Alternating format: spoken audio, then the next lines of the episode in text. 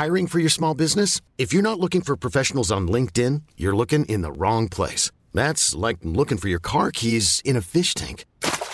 LinkedIn helps you hire professionals you can't find anywhere else, even those who aren't actively searching for a new job but might be open to the perfect role. In a given month, over 70% of LinkedIn users don't even visit other leading job sites. So start looking in the right place. With LinkedIn, you can hire professionals like a professional. Post your free job on linkedin.com slash achieve today.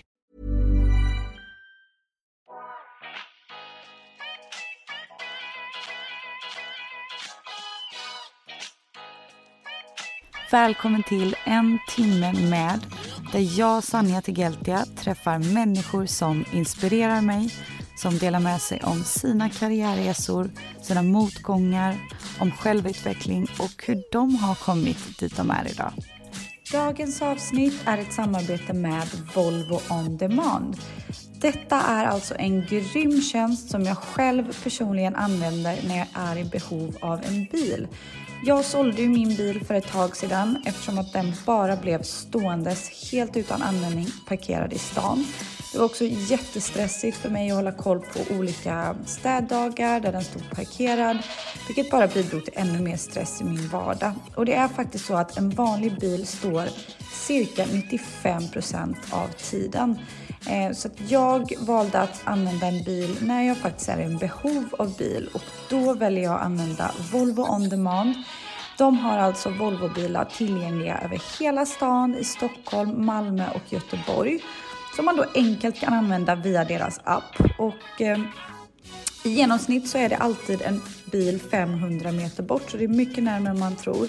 Och jag använder tjänsten när jag ska storhandla eller behöver åka till IKEA Ehm, eller när jag ska iväg och springa och vill ta mig utanför stan, exempelvis ut i vattnet och hitta en, en ny löparrunda så är det perfekt tillfälle att använda deras tjänst. Så ladda ner appen Volvo On Demand och testa. I veckans avsnitt så träffar jag inspirerande Josefin Dahlberg. Josefin pratar väldigt mycket om det inre arbetet. Hon har släppt boken Soulwork. Hon har sjukt viktiga och eh, bra onlinekurser där man just jobbar med det här, det inre arbetet, självkänsla, hur man behandlar sig själv, hur man ska tackla kritiska tankar, hur man möter sitt inre barn. Hon har gjort eh, en enorm resa inåt personligen. Hon berättar om sin barndom, ensamstående mamma och sin alkoholiserade pappa. Varför hon valde att sluta dricka alkohol över tio år sedan vad som fick henne att lämna toppjobbet inom mode och hur eh, hennes inre arbete har sett ut. Men framför allt också med det här med att vara duktig. Ibland orkar man inte. Hur ser hon på det och vad har hon för tips att ge? Hej Josefin! Hej! Hur är läget med dig då? Alltså det är väldigt bra. Det är eh, soligt. Vi har sån vårkänsla här på kontoret. Vi har liksom blombukett på bordet. Vi har firat en kollega som har fyllt år. Det är sol. Jag har min så här, måndag förmiddag där min kille har vår dotter. Så att jag har haft liksom, ja, några timmar för mig själv här på kontoret bara kunna fokusera, vilket är lite svårt annars. Så att jag har en riktigt härlig feeling idag. Äh, vad härligt! Så härligt. Men nu måste jag säga att nu är, nu är bebisen här så att hon kommer hänga lite här med min kollega i bakgrunden om ni undrar vad det är som låter. det är bara mysigt. Det är bara mysigt. Ja. Och det tror jag även att, att lyssnarna tycker. Jag är mm. så nyfiken på dig. Vi, vi har ju lite koll på varandra. Vi har mötts i olika sammanhang. Men aldrig fått riktigt sätta oss ner och prata, bara du och jag. Så eh, jag, ska ty jag tycker det är personligen jättekul att få höra om din resa. Jag har hört lite, lyssnat på lite poddar och även på din egen podd och sådär. Så att, eh, men jag tänker för de som inte har koll, kan du inte berätta lite om, eh, om Josefin, vem du är och din barndom och, och vad som har präglat dig i livet. Ja men absolut och jag håller med. Jättekul att vi får hänga här med varandra i din fantastiska podd och jag är jätteglad att jag får vara med.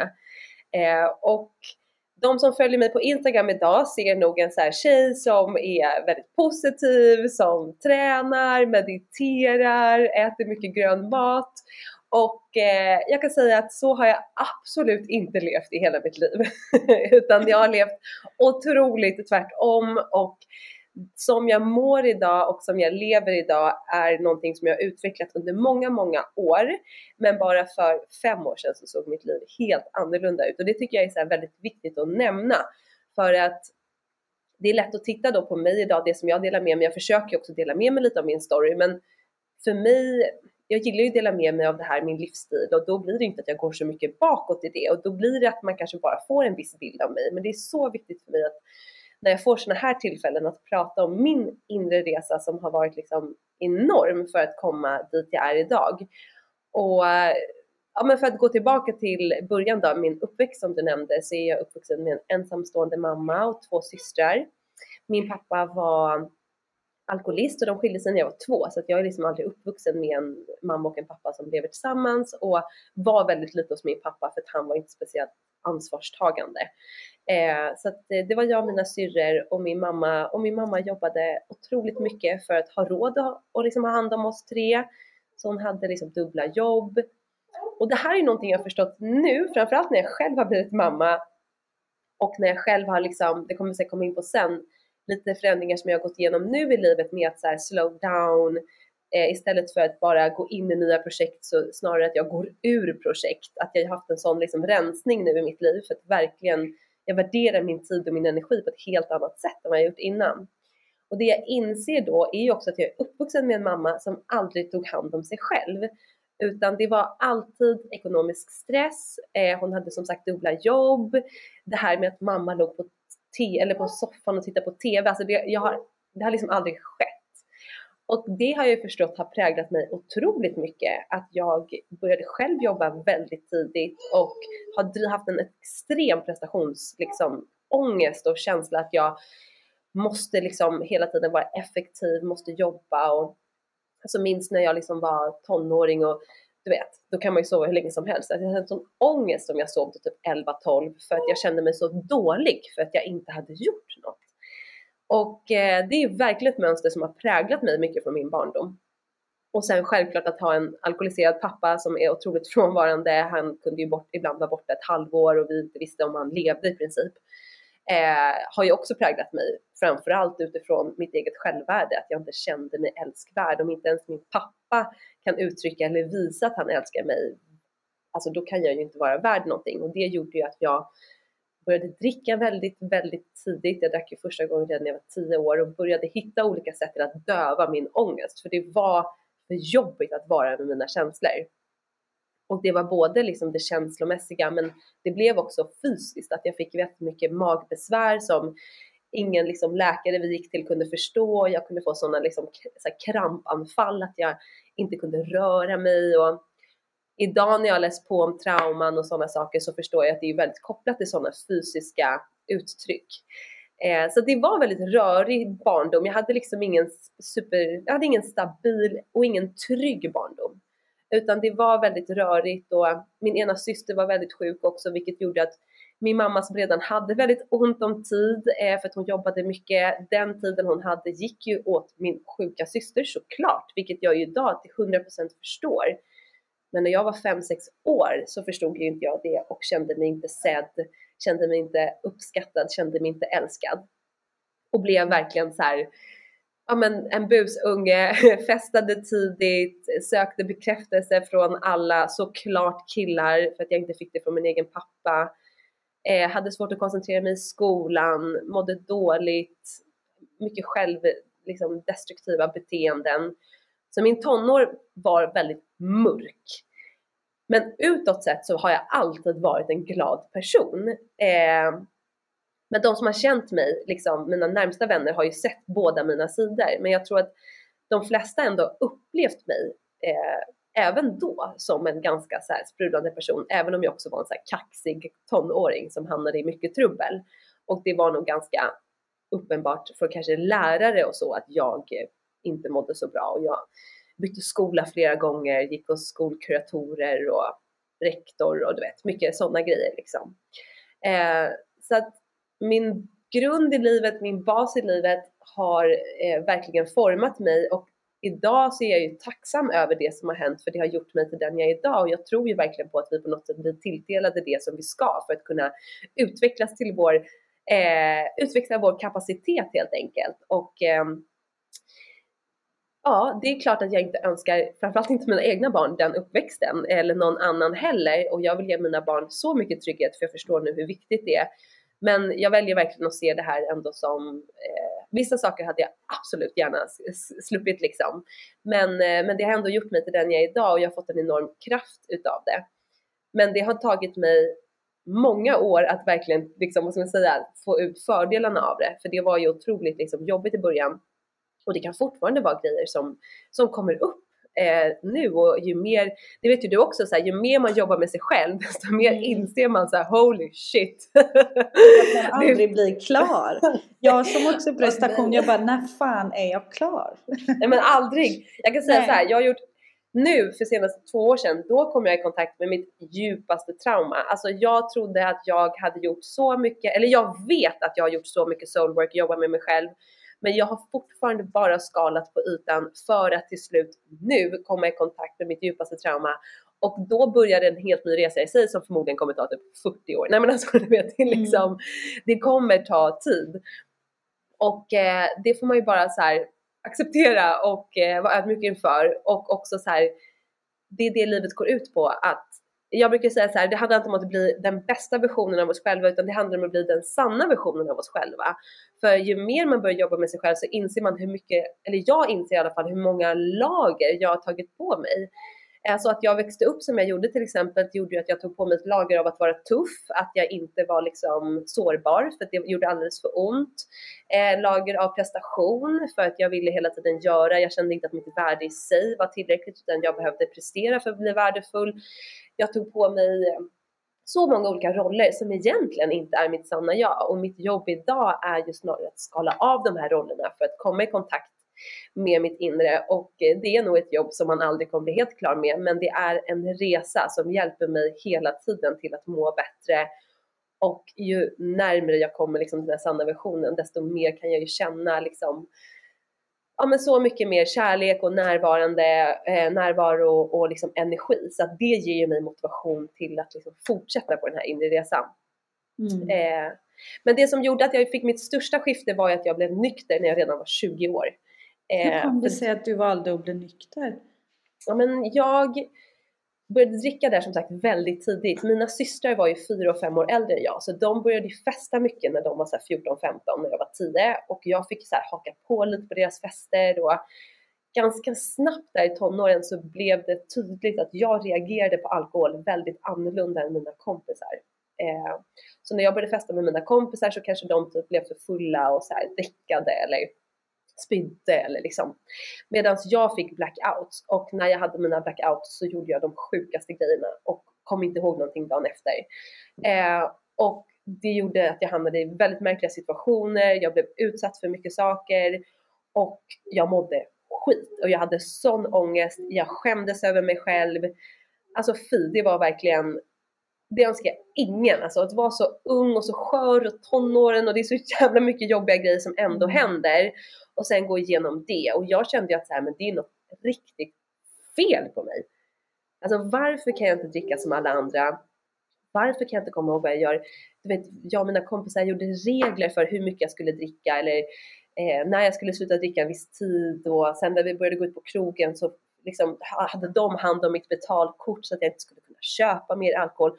Alltså vi gjorde så mycket regler men ingenting spelade någon roll för att när jag väl hade börjat dricka, jag gick över lik för att få i mig mer sprit. Alltså på riktigt, jag kunde göra vad som helst för att få supa mer. För att när man har den här alkoholismen i sig så finns det inget logiskt tänkande, inga regler, inga argument som räcker. Det spelade ingen roll att jag hade en jättegullig pojkvän som sa att han älskade mig och att han blev ledsen när jag blev för full för att jag var såklart otrogen när jag var full. Och, alltså, eller att mina kompisar blev besvikna på mig eller att min mamma var orolig. Alltså, när jag väl hade alkohol i kroppen så spelade inget av det där någon roll. Och så fort jag var nykter så förstod jag ju så här, nej men det är klart att jag inte vill dricka, men jag kunde inte och det är ju så sjukt. Och det är det som är skillnaden när man har en beroendeproblematik, någon form av liksom, om som i mitt fall, jag hade alkoholism i mitt blod så tidigt och utvecklade det så tidigt. Eh, och det gjorde ju att jag mådde sämre och sämre för varje utekväll. Och jag krökade ju mer och mer för att döva den ångesten. Så det blev så himla liksom en ond cirkel. Och eh, när jag var 18 så började jag gå på alkohol och drogmottagning för ungdomar. Just för att jag mådde så dåligt och min mamma var så orolig. Så då började jag gå och prata med alkoholterapeuter, jag fick en medicin som gör att du inte ska känna ett alkoholsug och när du väl dricker så ska du inte känna det här merbegäret att du vill dricka mer. Men alltså den där medicinen funkade inte för mig, den funkade inte överhuvudtaget. Eh, och sen var jag lite så här, gick hos terapeuterna, krökade, så in och ut och sen så um, via min syster som började få hjälp eh, via så självhjälpsprogram, eh, för hon var liksom i samma sitt som jag. Så blev hon nykter i något år eh, och jag tyckte först att det var jättekonstigt och tråkigt och svårt att ta in liksom. Och kände att så här, men hon är ändå fem år äldre än jag, jag kan kröka i fem år till. Men sen började jag få panikångestattacker och jag hade haft ångest innan och det är obehagligt, men panikångestattacker är på en helt ny nivå. Jag trodde jag skulle dö. Och då kände jag att jag har inget val. Jag behöver göra någonting åt min situation, jag kan inte leva så här. Och då var jag villig att söka hjälp och gjorde det och fick hjälp och fick stöd i den här gruppen och fick stöd av andra som hade gått igenom samma sak och fick stöd av en mentor och av min syster och mina vänner. Och eh, till slut efter några månader fram och tillbaka så blev jag nykter. Nu har jag varit nykter i 13 år. Eh, wow. det, är helt, ja, det är helt galet. Och det är där jag började jobba med mig själv. Eller började göra min inre resa. För att kunna göra det var jag tvungen att bli nykter. Eh, och jag kanske trodde att så här, nu blir jag nykter, nu kommer jag att må bra och lösa alla mina problem. Det jag insåg var ju så här, fuck, okej, okay, jag har krökat för att slippa känna. Nu har jag slutat kröka, vad fan ska jag göra med alla vidriga känslor jag har i min kropp? För att dova smärtan liksom. Vad ska jag göra med alla de här känslorna? Jag vill inte vara i min egen kropp. Och det är därför som idag när jag sitter och mediterar och folk skriver till mig så här, men jag kan inte meditera, jag tänker för mycket, det är för obehagligt. Då är jag verkligen så här, jag förstår dig. Alltså jag vet hur vidrigt det kan vara. Det jobbigaste, alltså att sitta med sig själv kan vara det jobbigaste vi kan vara med om. För att vi är hela tiden vana med att fly. Och det är otroligt vanligt idag. Jag tror många gör det mer än vad man kanske tänker på. Vi flyr genom att ta upp telefonen, vi flyr genom att somna med datorn och titta på någonting. Vi är rädda att spendera tid med oss själva. För att vi är så himla hela tiden matade med intryck utifrån så att vi är inte vana att checka in med oss själva. Och det är ju en av de grejerna som jag delar med mig av jättemycket idag för att jag vet kraften i att checka in med oss själva och jag fick lära mig det för att jag insåg att jag inte ens kunde typ tolerera att vara med mig själv i 30 sekunder. Och flykten är så lättillgänglig idag.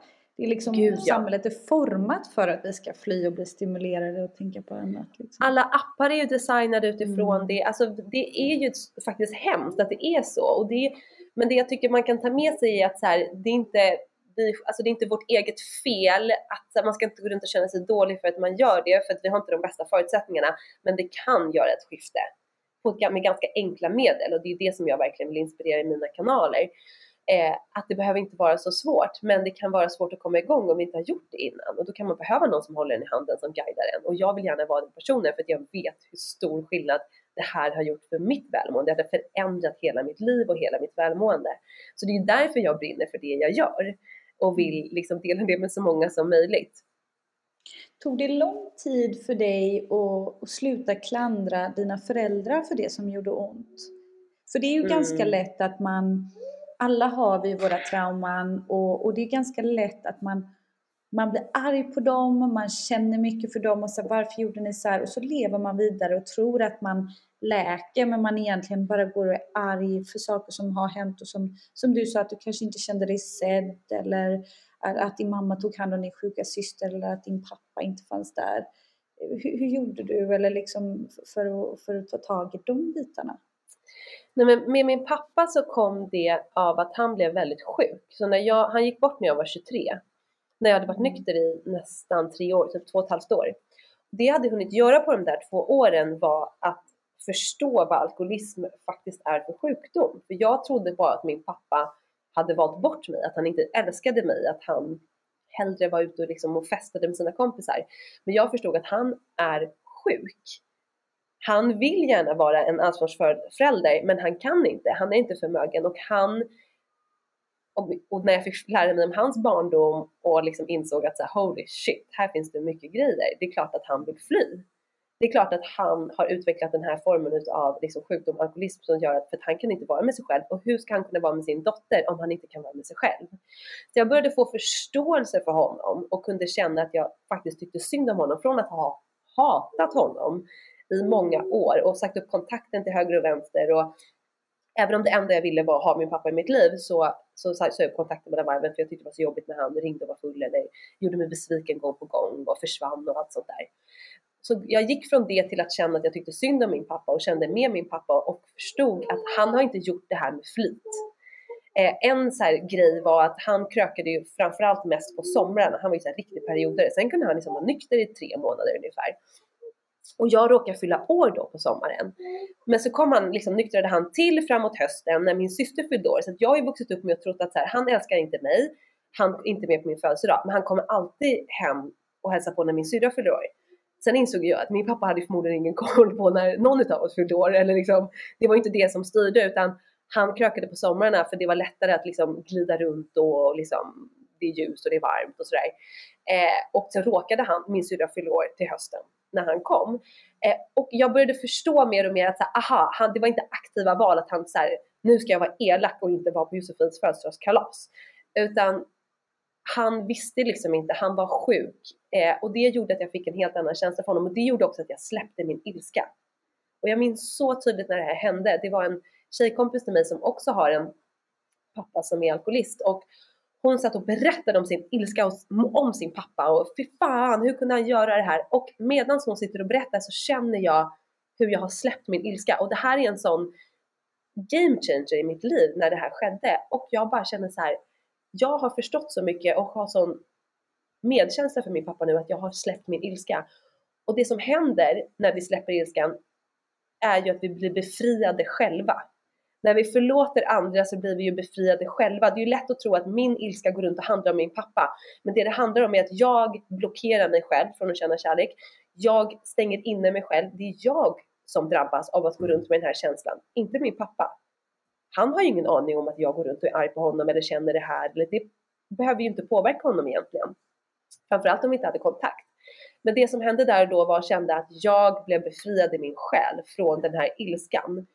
Och jag kunde möta honom på ett helt annat sätt och kunde förlåta honom. Och när han dog så kände jag verkligen att jag inte hade någon ilska utan jag var bara jätteledsen för att han gick bort såklart för jag kommer sakna honom eh, i mitt liv. Och, men jag kände ändå mig så glad över att jag hade förstått det här innan han gick bort. Mm, ja men verkligen och det, även om alla inte kan relatera till, till en förälder som går bort så är det ju samma om någon har varit otrogen eller man känner ja. ilska mot någon som har sårat en, att man går runt och bär på det och så kanske den personen i sig går runt och lever ett lyckligt liv. Mm. Och den enda man drabbar är sig själv, att man liksom ja. bara är så elak mot sig själv och, och ältar och ältar och ältar och förstör sitt eget liv liksom. Ja, och det tror jag är ett skifte i sig, alltså när jag förstod det, att så aha, vänta det handlar inte om den här andra personen liksom. Mm. Eh, det handlar om att förlåta för att befria mig själv. Och det har jag ju tagit hand om, precis som du sa, jag hade ett ex som var otrogen mot mig.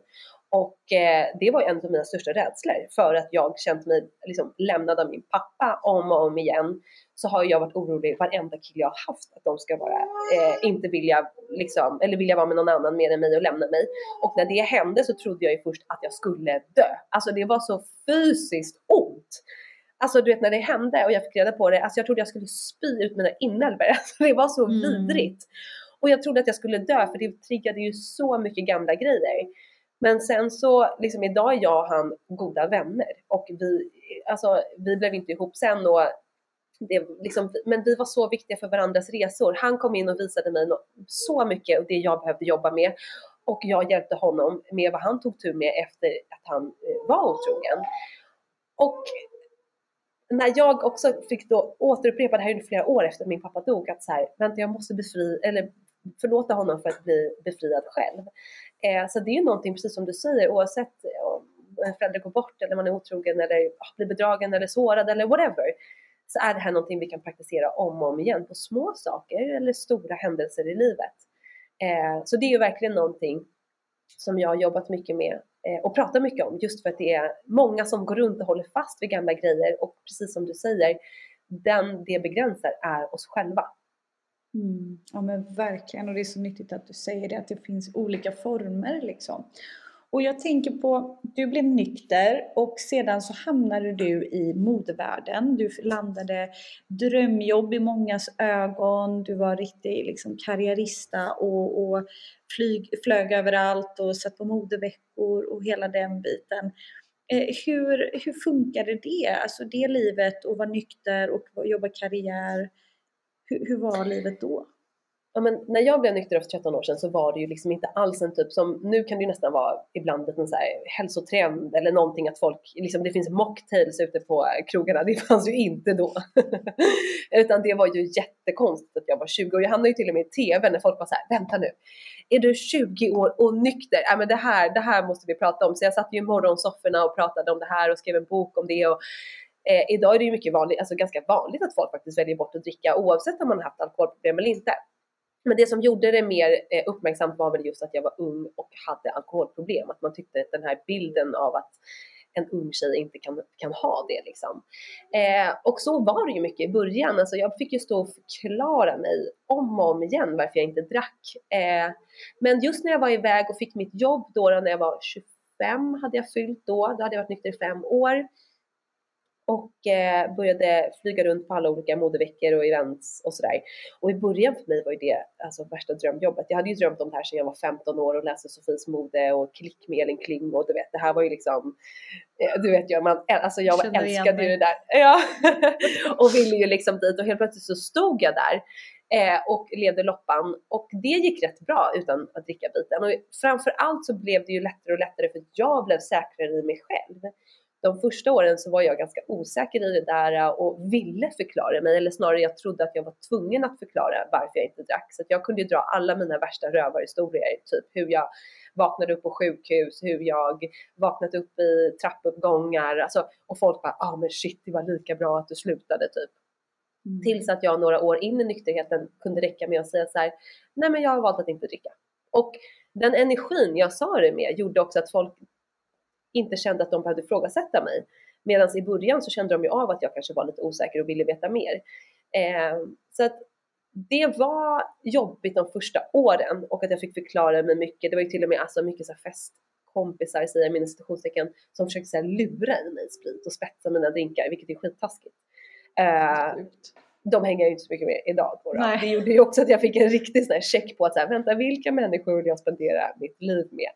Eh, och valde mina vänner, vilket man ju faktiskt får göra oavsett när i livet och vad man går igenom. Så man, att välja aktivt vilka man spenderar tid med är ju ett annat lifehack för det alltså, bidrar så mycket till vår känsla och vår vibe och att välja personer som vi känner oss uppfyllda av liksom, och upprymda och liksom mår bra av att hänga med. Eh, men det är klart att man blev frågasatt. Men, det, ja, men där när jag började jobba med det så var det aldrig riktigt ett problem faktiskt. Och det tror jag också var för att jag var så otroligt säker i min sak. Så jag hade inga problem att vara på fester eller middagar och alltså inte överhuvudtaget. Mina pojk, min pojkvän som jag hade då, han drack och kunde ha vin hemma. Alltså det, jag hade landat så djupt i mitt beslut för att jag vet till 100% att det här är det jag behöver göra för att må bra. Så att jag kommer liksom inte bli sugen av att någon annan dricker. Så det, det var faktiskt inte så jobbigt efter några år, men, första åren som sagt. Men trivdes du i, i modebranschen eller vad fick dig att lämna den branschen? Nej men först tyckte jag det var jättekul och liksom såklart härligt att vara typ 25-26 och bli runtflugen och bo på lyxhotell och få gratis kläder och smink och parfym och hudvård och whatever liksom. Det var ju askul.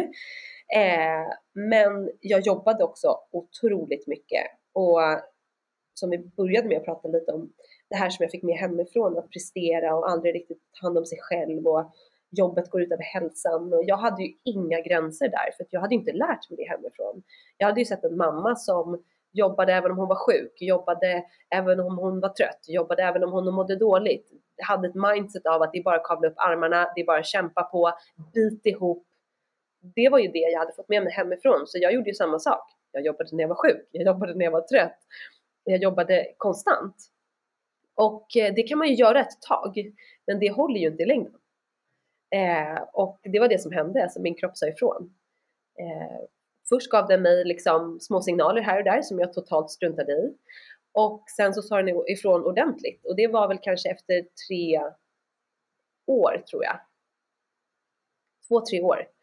Mm. Eh, så bara kom jag till jobbet en morgon, jag kunde inte lyfta mina armar, de var helt bortdomnade.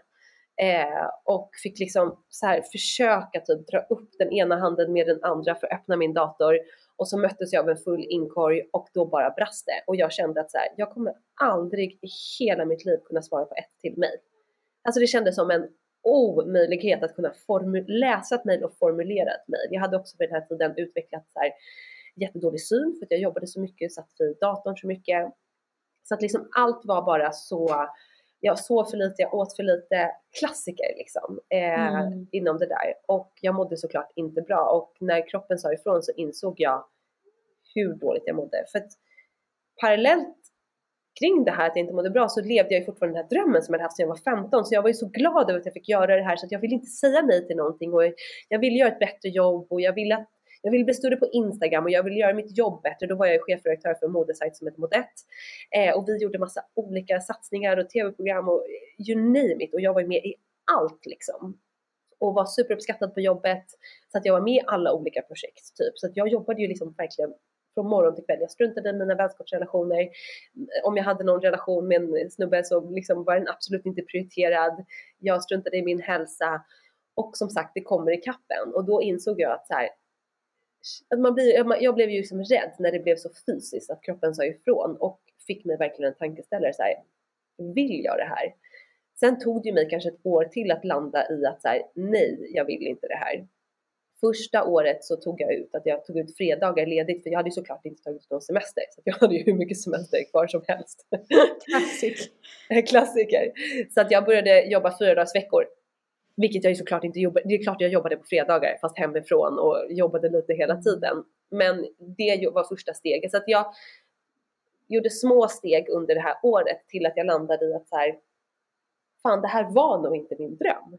Och det i sig blir också en identitetskris när jag hade en sån tydlig dröm när jag, från att jag var 15 och sen när jag var där 27-28, jag hade följt, jag hade uppföljt många av de drömmarna, levde då som du säger också utifrån många andra sätt drömlivet men kände att så här, det här lirar inte med det som pågår på insidan. Och det var då jag hade ju varit nykter i flera år, jag hade testat lite, alltså jag hade börjat meditera, hade skitsvårt med det för det var så jobbigt att vara med mina känslor och mina tankar. Men jag hade hittat så olika knep på att meditera och börjat liksom jobba med mitt inre, börjat, hittade Gabby Bernstein som jag fick tips om, jag gjorde hennes meditationer, läste hennes böcker. Så det började öppna upp för den här inre resan och ju mer jag gjorde det, desto mer insåg jag att det livet jag lever inte är för mig. Alltså, men mitt ego tyckte ju det, för mitt ego tyckte att det checkade av alla de här boxarna. Det var coolt, det var bra, det var hög lön. Och min mamma som då har varit ensamstående och inte haft så bra ekonomi tyckte ju att så här, du kan inte säga upp dig från det här jobbet, du tjänar mer än vad jag någonsin har tjänat.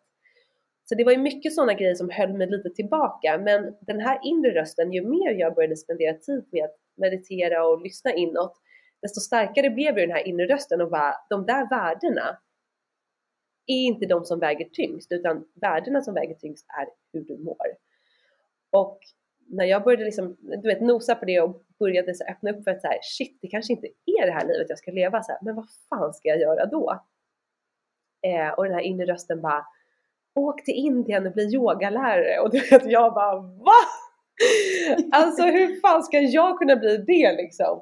Det, jag rökte fortfarande, jag smygrökte på kvällarna, jag åt godis till middag, jag var sjukt ohälsosam på det sättet liksom och bara, men vänta jag kan inte gå och bli liksom en yogalärare och min inre röst bara, du ska hjälpa andra människor att må bra och jag bara, men hur då? Eh, men den där rösten, som, som sagt, ju mer tid jag spenderade till att lyssna inåt, desto starkare blev den. Till slut kunde jag inte blunda för det. Så jag bara sa upp mig, jobbade då med min, jag hade blogg och eh, så, alltså Instagram, så jag gjorde liksom samarbeten och, på både bloggen och på Instagram. Så att jag visste att jag kunde klara mig utan min heltidsanställning. Så då liksom gjorde jag det och nosade in mycket på att prata om så nykterhet och att jobba med sig själv och välja det som man mår bra av. Lite light sådär. Um, och det var ju också läskigt att gå från så rent mode till att bli så personlig och så. Men jag var så inspirerad av Gabby Bernstein och flera andra så här självhjälpspersoner och älskade det där och märkte att också det fanns andra som var i behov av det. Så jag fick ju väldigt fin respons när jag delade med mig av det. Och då började jag så här, men shit, det här kanske är något. Och så åkte jag till Indien och blev yogalärare och sen dess har jag gjort massa utbildningar, så här, holistisk hälsocoach, jag har varit i London på så sound healing kurs och jag går jättemycket olika så onlinekurser och utbildar vidare mig liksom inom det här med väldigt mycket förut var det inom det spirituella, nu är det ännu mer kring liksom holistisk hälsa och mat och näring och träning och pilates. Och du har även skrivit en fantastisk bok. Ja! Soulwork. Ja. Soulwork, ja. Mm. Nej, och i den så är det ju liksom mycket av det här att jag har samlat mycket av mina konkreta övningar, tips och verktyg som jag själv har gjort. Eh, nej men så det, det gjorde att jag insåg att den här alltså modebranschen på det sättet som jag jobbar med det, så här, det var en dröm jag hade utifrån mina tankar, min prestation, mitt ego och också från att jag var 15 år liksom. Men den lirade inte med min känsla på insidan och istället för att fortsätta det här yttre livet som såg bra ut, men där jag inte mådde bra, så kände jag nej, jag måste följa den här inre känslan och där var det ju många som frågade mig liksom, men vad är det du ska göra? Och min mamma liksom bara, jobba med en blogg. Hon hade ju ingen aning om vad det var. Och då fick jag återigen, som när jag slutade dricka, så här, jag kan inte lyssna på alla andra. Jag måste lyssna till den här inre känslan. Och den har jag ändå alltid haft en ganska stark connection till, inser jag ju nu när jag tittar tillbaka, att ganska tidigt i livet vågade jag liksom följa den. Och ha mm. den här mm. inre kompassen. Och jag vet att vi alla har den där inre kompassen, men, och jag tror att de flesta vet vad vi vill, eller vi vet där inne så vad vi skulle må bra av, men vi vågar inte ta steget och följa den. Och där vill jag också inspirera och hjälpa folk att våga ta det steget. För att det handlar inte om att så här, Ja, förlåt, vad vill du säga? Nej, men jag ville bara fråga, för att jag tycker det här är så intressant. Jag tror att många som lyssnar är sådär, men hur hittar man sin inre röst? För jag kan mm. känna igen mig, alltså för mig är det också för alla antar jag en kringlig krokväg. Att ja. ju mer jag är med mig själv, ju mer jag är i stillhet, desto mer är den här mycket tydligare jag brukar känna efter sig, men gud, det är bara ett flow, jag känner vad jag vill och jag mår bra av. Men sen så hamnar jag i tillbaka i egot, ekorrehjulet och så pumpas jag av det yttre och liksom framgång och jobb och allt vad det nu kan vara, bekräftelse. Och så tappar jag liksom bort den där rösten och sen så tvingar jag mig själv till lite mer stillhet. Så vad skulle du säga är mm. liksom nyckeln till att lyssna inåt? Är det att sitta mycket mer i meditation och faktiskt bara vara? Nej men, och jag, jag är ju precis likadan, alltså jag tappar ju bort det där hela tiden men idag har jag mina go-to-vanor som jag verkligen prioriterar och det är min nyckel. Att jag tror att många också väntar på det här, liksom den här lite klyschan, så här, hitta sig själv och en så här stor aha-upplevelse. Så behöver det verkligen inte vara. Det kan vara det för några, men det vanligaste är att det inte är det. Utan det vanligaste är precis som du säger, att man sakta men säkert bygger upp den här relationen med sig själv på samma sätt som du bygger upp vilken relation som helst. Och vad behöver en relation för att växa? Den behöver eh, tid och den behöver energi och den behöver prioriteras. Och det är lite som det här med att jag aldrig såg min mamma prioritera sin egen relation med sig själv gjorde att jag inte gjorde det med mig. Så jag hade ju verkligen ingen relation med mig själv. Så jag fick börja där och bara satte mig ner och skulle vara med mig själv och det var så vidrigt att jag inte ens kunde sitta kvar. Och det jag gjorde var att ta baby steps, men att fortsätta att göra det. Jag hade hjälp av en mentor som guidade mig, som jag pratade med varje vecka. Hon gav mig liksom, kanske skickade mig en sån ljudfil med en guidad meditation och om du får till några minuter, fantastiskt. Eh, gå ut på en promenad utan att lyssna på någonting i öronen liksom. Var, spendera mer tid med dig själv. Eh, för som vi pratade om förut, vi är så vana att sätta i en podd, vilket är fantastiskt att lyssna på podd som alla gör just nu. Men vi kan också behöva ett break. Eh, ta upp telefonen, så bara vi sitter, går på toaletten så kan vi knappt gå på toaletten och sitta på telefon. Jag blir galen på mig själv. Bara, lämna telefonen, gå och bajsa i fred. Behöver inte sitta och scrolla. Vad fan är problemet? Liksom, eller är med på bussen eller står i kön. Liksom bara, jag övar gång på gång. Jag känner ju hur min hand rent automatiskt går ner och grabbar telefonen. Och då måste jag bara, nej släpp den, stå här och titta runt omkring dig två minuter. Och det kan vara nyckeln till att få de där mikrostunderna att vara med oss själva. Och självklart då också att göra någon form av, för mig har det varit meditation. Och det kan vara olika för alla, men att verkligen dedikera tid till att spendera med oss själva. Och det behöver inte vara svårt, det behöver inte vara konstigt utan gå på en promenad med dig själv, börja morgonen med att så här, skippa telefonen, ät frukost i lugn och ro eller bara sätt dig ner i fem minuter och andas, skriv av dig lite grann. Det, det är därför jag också tog fram min nya bok Soul Planner som är en daglig check-in med bara så tre korta frågor varje morgon. Den tar dig kanske en och en halv minut att göra. Men du får till det, du har också något konkret du kan sitta med. Och med den vill jag också visa att det behöver inte vara svårt. Det behöver inte vara, ta lång tid. Eh, och det är verkligen det jag har praktiserat från sen jag blev nykter. Att ta de här små stunderna med mig själv, bygga upp den här relationen med mig själv. Och ju mer jag gör det, alltså för den här inre rösten finns inom alla oss, men om vi hela tiden är sysselsatta, om vi hela tiden är stressade eller pressade, då är det jättesvårt för den här inre rösten att komma igenom. Så att när vi aktivt ger oss själva en liten paus, så ger vi också den här inre rösten en chans att kunna komma fram. Och som sagt, jag tror att de flesta av oss vet ändå någonstans, vad skulle jag må bra av? Är jag i en bra relation eller inte? Mår jag bra på mitt jobb eller inte? Livsstilen, min kost, hur jag rör mig, är det bra för min kropp? Är det någonting som jag mår bra av? Gör det mig eh, sjukare eller gör det mig friskare? Vi vet, men det kan ibland kännas overwhelming och därför så bara stänger vi dörren och lever på för att vi orkar inte ens titta på det där. Och det kan det ju bli om vi försöker liksom ändra allt på en gång. Och där är det ju det som vi alltid hör, så här, en sak i taget, små baby steps. Och vi hör det om och om igen för att det funkar. Och alla som jag känner som, och även de jag liksom, mina personer som jag ser upp till, pratar ju om samma saker fast alla har sitt egna sätt. Så det gäller ju att hitta så här, någon person som man tycker är inspirerande, någon som lirar med en och ta liksom rygg på. Jag har ju mina, som sagt Gabby, en av mina stora expanders som visar mig att du kan leva ditt drömliv, du kan må bra. Jag har flera andra liksom som jag följer. Och det inspirerar mig. Så att både se över vilka personer vi har i vår omgivning som vänner och liksom de vi spenderar tid med, men också vad vi väljer att se på sociala medier och vad vi väljer att mata oss själva med. Se till att det är sånt som hjälper dig att må bra, som inspirerar dig. Eller kanske bara ta och ha mindre skärmtid och spendera mer tid med dig själv för att verkligen höra din inre röst. Men andra kan hjälpa oss till att hitta de här knepen i vardagen. Men självklart är det ingen annan än just du som vet vad du behöver. Men genom att ta hjälp av andra kan vi testa oss fram. Ja, ah, men det här kändes bra. Det här kändes inte bra. Och på så sätt kan vi känna efter vad vi mår bra av. Så att, att försöka göra det enklare. Eh, ja, men inte liksom att det inte ska krävas så mycket. Det är som sagt många som känner att så här, det blir för stort och någonting som jag får höra både av mina följare och även typ kompisar så kan ju vara så här, men gud hur orkar du vara så duktig hela tiden? Hur orkar du vara så här nyttig och så här duktig? Och för mig handlar det inte om att vara duktig. Alltså det var ett sånt skifte för mig när jag hade gjort de här, alltså börjat möta mig själv och stärka den här relationen med mig själv. Då hittade jag ju också tillbaka till den här kärleken till mig själv som vi ju faktiskt alla föds med.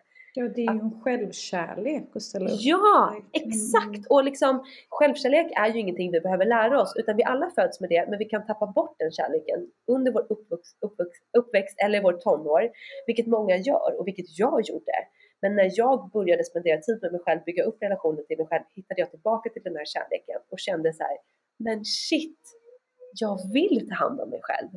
Och det var då jag kunde sluta röka. Alltså jag rökte länge du vet när jag var på mitt yoga, min yogautbildning, då rökte jag inte på en månad när jag var där liksom. Men när jag kom hem, du vet, det gick några dagar, sen satt jag i mitt fönster på kvällen och bara För det var mitt, mitt sätt att liksom, det var min flykt.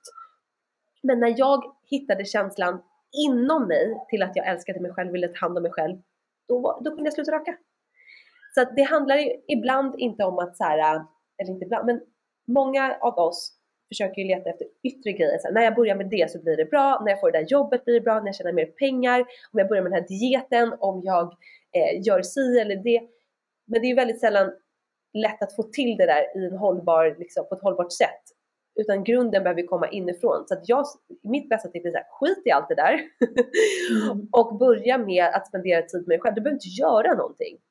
Du kan bara sitta och vara med dig själv och låta den här känslan komma inifrån. Och när du får i kontakt med den, boosta den genom, och när du tappar bort den precis som du sa och som jag också gör, då har du dina verktyg som du kan komma tillbaka till och gör det enkelt. Sätt dig ner och andas en minut. Eh, lägg händerna på hjärtat och sätt en intention för dagen.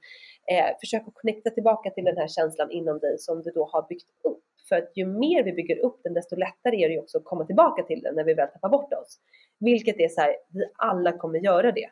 Alltså vi lever i det här livet nu. Det är fan omöjligt att gå runt och vara helt connectad med oss själva konstant om vi är, liksom, lever i storstan eller med det här sociala medier, liksom kulturen eller vad det nu är. Eh, mm. Så att, att liksom släppa de där lösningarna utanför oss själva och börja inom oss själva och när jag då kände att så här, men shit, jag vill ta hand om mig själv. Då gör jag det jag mår bra av. Så det är det det handlar om, att jag vill visa min kropp och mig själv kärlek. Det handlar inte om att vara duktig för någon annan. Som sagt, det handlar inte om att vara min bästa version. Det handlar om att vara min sanna version så att jag kan få må bra inifrån och ut. För du hade ju inte sagt till ditt barn eller din förälder eller din syster att stoppa i dig massa skit eller tänk elaka tankar om dig själv. Alltså, man är ju så duktig på att vara schysst mot alla andra. Och, och det är det för många brukar säga till mig, men, ja, men äta sådär nyttigt, tröttnar du inte ibland? Jag bara så här, men jag hade, det är ju liksom för att jag vill må bra. Alltså, mm jag, jag, får ju energi, jag mår bra. Det är klart jag äter skit, det, det gör jag. Men mm. det är också, då njuter jag av det och inte har ångest. Alltså, så jag tror att ja, vi är så duktiga på att vara schyssta mot andra. Jag skulle aldrig sagt till min mamma, bara sitt och tryck i dig massa skit. Men mm. när man pratar med varandra, då ska man, liksom, kan man inte vara schysst mot sig själv. Då är det någon mm. konstig grej. Mm. Ehm, så det, det, är lite konstig mindset ibland som jag tycker finns där ute. Att det är nästan så här, man är präktig för att man tar hand om sig. Verkligen. Det, så är det, det möter jag jättemycket. Och det som jag tycker har blivit skevt är ju till exempel om man tänker på ja men så som jag försöker liksom äta nu, liksom, 80% av tiden, sen så trycker jag i mig allt möjligt också. Utöver det som jag, om jag känner som du säger, man får feeling eller man är, på, man är ute med polare, då, är, då liksom ger det mig så mycket energi av att äta pizza med mina polare. Alltså det, ju, det mår jag ju så bra av då. Men skulle jag gjort det varje dag? Nej, då hade jag inte mått bra. Men eh, det som många då kan säga att så här, men gud du äter så konstig mat. Men alltså det jag egentligen äter är ren mat. Det är det naturliga. Alltså det är typ grönsaker. Det är typ så som våra liksom farmor och farfars och deras farmor och farfars, det är så de åt. Det är det som egentligen är det vanliga. De åt inte all processad mat eller liksom allt det här, alla färgämnen och e-ämnen och allt det här. Så det är det jag tycker har blivit skevt. Att nu om jag då vill äta gärna mycket ekologiskt och laga mat från grunden, då är det precis som du säger präktigt eller hur pallar du? Medan det egentligen är ju faktiskt det normala från början. Och det, vad beror det på? Då? Det är ju marketing, det är ju att snabbvaror, snabbmats och liksom processad mat, deras marketing har ju lyckats att hjärntvätta typ alla till att tycka att det är precis lika bra som vanlig mat, vilket det inte är. Och det är det som är lite läskigt hur eh, jag som har barn nu också, liksom, alltså mina barn äter absolut inte perfekt, herregud, det är ju såhär make it work. Ibland är det såhär, vad är det som går ner? Ja, men då får vi ta det. För att min två och ett halvt åring kan vara väldigt picky liksom. Men självklart försöker jag och vill gärna att hon ska äta så ren mat som möjligt för att stötta hennes liksom, kropp som utvecklas och behöver all näring den kan få. Men där kan man ju också märka att så här, ja, men, kompisar eller så som bara, men, men vadå, det där finns ju i alla matbutiker för barn, då måste ju det vara bra. Jag bara, Nej, vadå det finns ju godis i alla matbutiker, men det är ju inte bra. Och lite att vi litar på de här större bolagen och det är det som är farligt och det är därför jag gärna liksom delar med mig kring kost och enkla tips i vardagen på hur du kan laga snabbmat från grunden för att ge dig själv mer energi. för att vi blir så lurade. Och det är lite som vi pratade i början det här med att liksom apparna är designade för att vi ska bli beroende av dem. Det är ju vår mat också. Och det är därför det är så viktigt att vi pratar om det här, att folk får upp ögonen för det och förstår det. För annars är det lätt att man fastnar i det. Och det är, man ska inte bli sig själv för det, för det är sjukt svårt att liksom se igenom det. Nu råkar kanske du och jag ha ett intresse av det här och liksom eh, också har testat och känner så här, shit vilket skifte. Vad jag mår mycket bättre och vad mycket mer energi jag har så att jag orkar ta hand om mig själv genom att äta den här maten än versus hur jag åt tidigare. Som sagt, jag åt smågodis till middag, levde på Foodora och liksom bara beställde hem skitmat som det var massa socker och konstiga grejer i liksom. Men det är inte alla som har det intresset, det är inte alla som har den tiden och det förstår jag och det är därför det är en annan sak som jag brinner för, att göra det mer lättillgängligt för folk. Att få upp ögonen för vad det är man äter och hur det påverkar oss och hur vi kan med små enkla tips i vardagen faktiskt få i oss mer näring så att vi kan må bättre. Det är det allt handlar om liksom. Gud ja, det är så viktigt jobb du gör. För jag menar, det är som du sa, allt leder till, det ena leder till det andra. Äter man bättre får man mer energi att ta hand om sig, då blir man mer peppad. Så det blir verkligen ett, ett, liksom ett härligt ekorrhjul när man väl... Ja, eh, exakt! Blir... Och det är det jag tror man ska ha som inställning istället för att tänka att allt är jobbigt och att man ska vara duktig så att man skiter i det. Hur kan du stötta dig själv så att du kan må bra? Alltså det är någonting jag frågar mig själv. Så här, hur kan jag stötta mig själv idag? Och hur kan jag ta hand om mig själv? Hur, liksom allt vi sänder ut det är liksom energi och det kommer vi få tillbaka. Och vi bygger vårt egna liv, vare sig man vill tro det eller inte så bygger vi vårt egna liv, hur vi vill leva vårt liv. Och om jag går runt och ältar och är fast i det förflutna som vi pratade om tid, tidigare, eller om jag väljer att se saker negativt eller att saker är jobbigt, då kommer det vara en väldigt trög energi i mitt liv.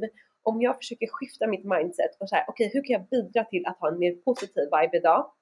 Till att eh, ta hand om mig själv, stötta mig själv, då kommer jag få energi. Och jag kommer kunna njuta mer av livet, jag kommer kunna ha mer kul, jag kommer ha, kunna manifestera in mer av mina drömmar. Så det finns ju bara saker att vinna på för vår egen upplevelse. Och det är det som jag tror att alla måste förstå, att det är det det handlar om. Inte om att vara duktig framför någon Exakt. annan liksom.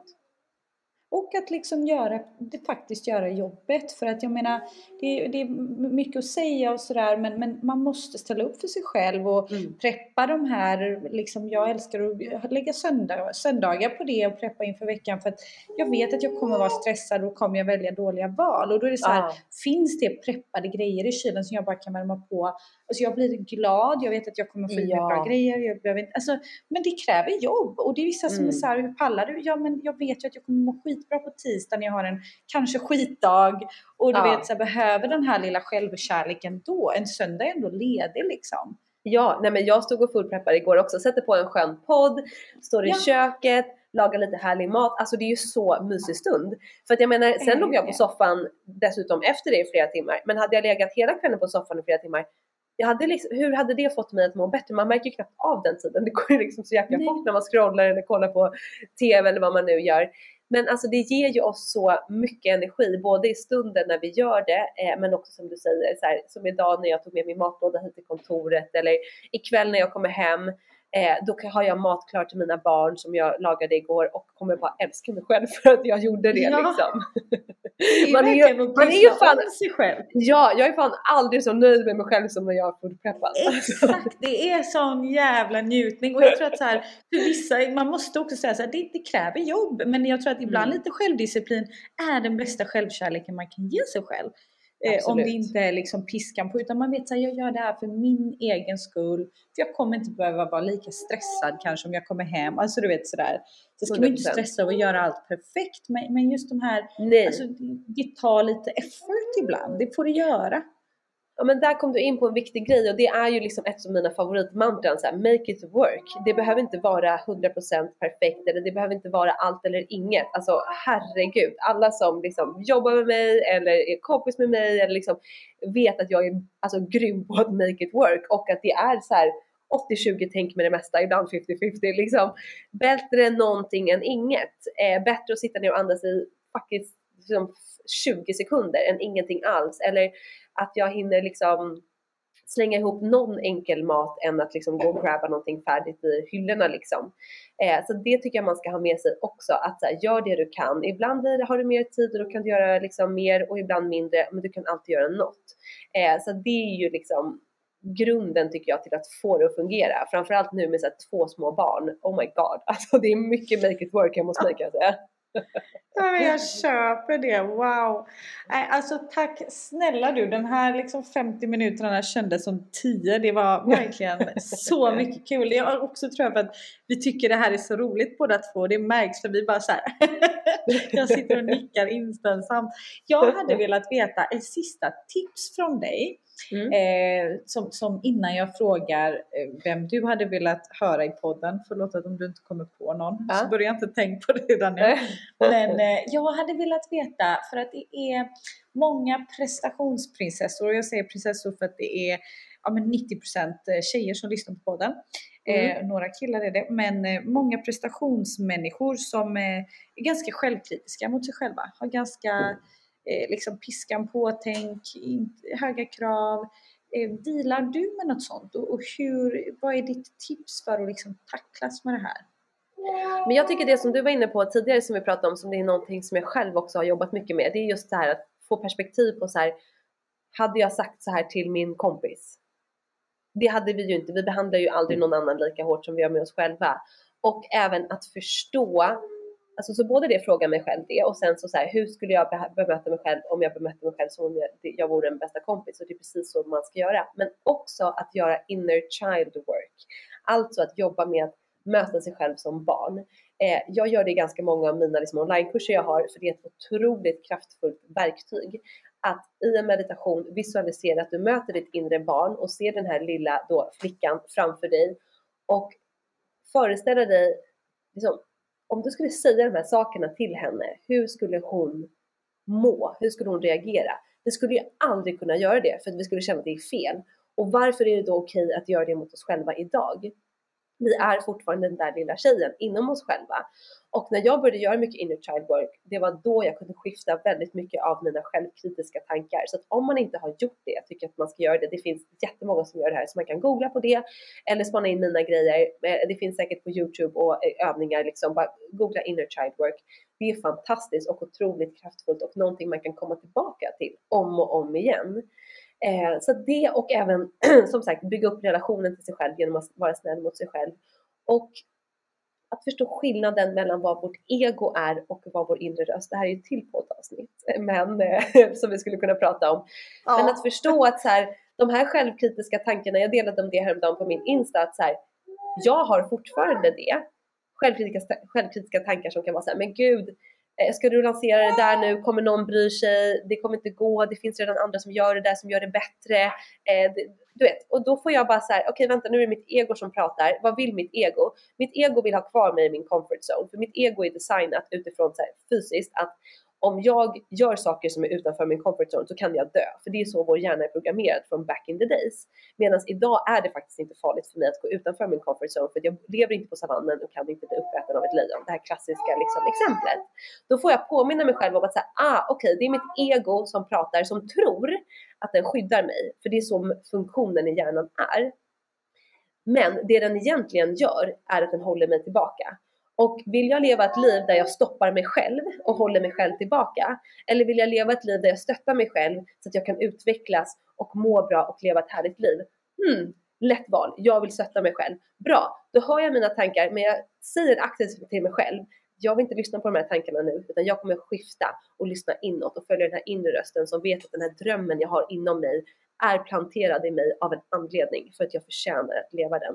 Och jag påminner mig själv om att jag förtjänar att må bra, att jag förtjänar att ta hand om mig själv och att jag förtjänar att fylla, uppfylla mina drömmar och leva min sanning. Och det är mantran, affirmationer som jag upprepar dagligen. Och det är också ett sånt här mentalt verktyg som jag kan plocka fram när jag känner att jag tvivlar på mig själv, är taskig mot mig själv. Att jag plockar fram något av mina liksom favoritmantran, till exempel jag förtjänar att må bra när jag känner att jag eh, har dåligt samvete att jag tar hand om mig själv när jag har två barn, då behöver jag liksom påminna mig själv om att jag förtjänar att ta hand om mig själv även om jag är mamma. Jag förtjänar att ta hand om mig själv och må bra även om jag har barn. Och det hjälper mig att skifta min vibe, släppa egot, släppa de här tankarna så att jag istället kan landa inåt och göra det som jag mår bra av. Så att, att ta fram de här, så här mentala verktygen när vi hör den här inre rösten och att förstå att egot förmodligen kommer vara en del av vårt liv forever. Så det är bäst att vi börjar förstå hur vi ska hantera det så att vi inte låter vårt liv stoppas i onödan, vilket det ju faktiskt är. Mm. Nej, så bra tips. Tack snälla du, alltså jätte jättehärligt samtal. Jag är så inspirerad själv. Jag behövde vissa av de här påminnelserna själv, så känner jag. Så det är så här, jag med! Ja. Alltså det är det, man behöver ja, bli påmind. Eller hur! Men jag är nyfiken på, vem hade du velat höra i podden? Är det någon du ser upp till eller inspireras av? Eller sådär, den personen har en rolig resa? Alltså nu tycker jag så här. Jag tycker ju liksom dream big är ett annat motto hos mig. För hur kan vi annars liksom Ja. utvecklas om vi inte tror på oss själva? Och jag har ju pratat mycket om Gabby Bernstein, så jag säger hon då. I love, jag tänkte på det när du sa det. Jag bara, fan vad fett det hade varit. Ah, men jag gillar Det, det står på min lista också så vi kanske får göra det gemensamt och försöka kamma hit henne eller någonting. Ja, ja, ja. Det är, ett, det är ett gemensamt uppdrag här nu. Nej men det är ett tips, hitta sina, det kallas ju då expanders. Och istället för att titta på andra och tänka att så här, den där personen har redan gjort det så att jag var för sen på bollen eller jag kommer inte lyckas. Titta på de personerna och känn, kan hon så kan jag. Den här personen visar mig att man kan följa sina drömmar, visar mig att man kan designa sitt eget liv, visar mig att man kan ta hand om sig själv. Jag har hon, jag har Melissa Wood, jag har flera andra sådana tjejer som jag bara, när jag är, liksom, känner mig lite low, går in och bara blir så inspirerad och bara, ja just det, jag kan också. Mm. Så att det handlar också om att så här, skifta, att istället för att jämföra oss, att bli inspirerade. Gud ja, och hitta någon som, som du sa, som verkligen talar till en. Det Mm. finns ju några stycken där ute och jag, jag brukar jag gillar precis de du gillar också. Sen gillar jag även Peter Crone, the mind architect eller vad han kallar sig för. Han talar väldigt, väldigt tydligt till mig och just det här med självkritiska tankar. Eh, så det är också ett tips. Men det Gud, det jag har ingen koll på honom, då ska jag kolla in honom. jag ska skicka ett avsnitt som du kommer Ja. bara såhär, wow. ja.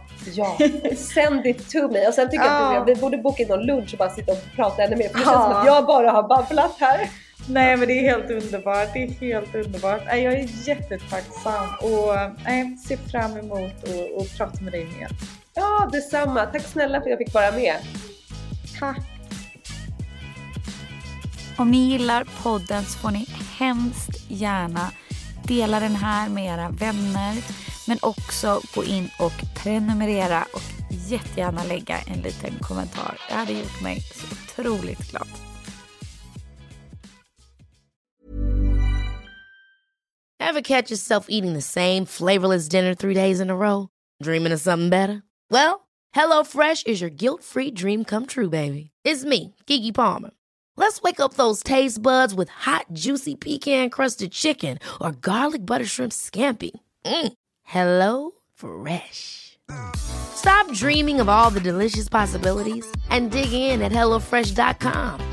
Let's get this dinner party started. Imagine the softest sheets you've ever felt. Now imagine them getting even softer over time. That's what you'll feel with Bowl and Branch's organic cotton sheets. In a recent customer survey, 96% replied that Bowl and Branch sheets get softer with every wash. Start getting your best night's sleep in these sheets that get softer and softer for years to come. Try their sheets with a 30-night guarantee. Plus, get 15% off your first order at bowlandbranch.com. Code BUTTERY. Exclusions apply. See site for details.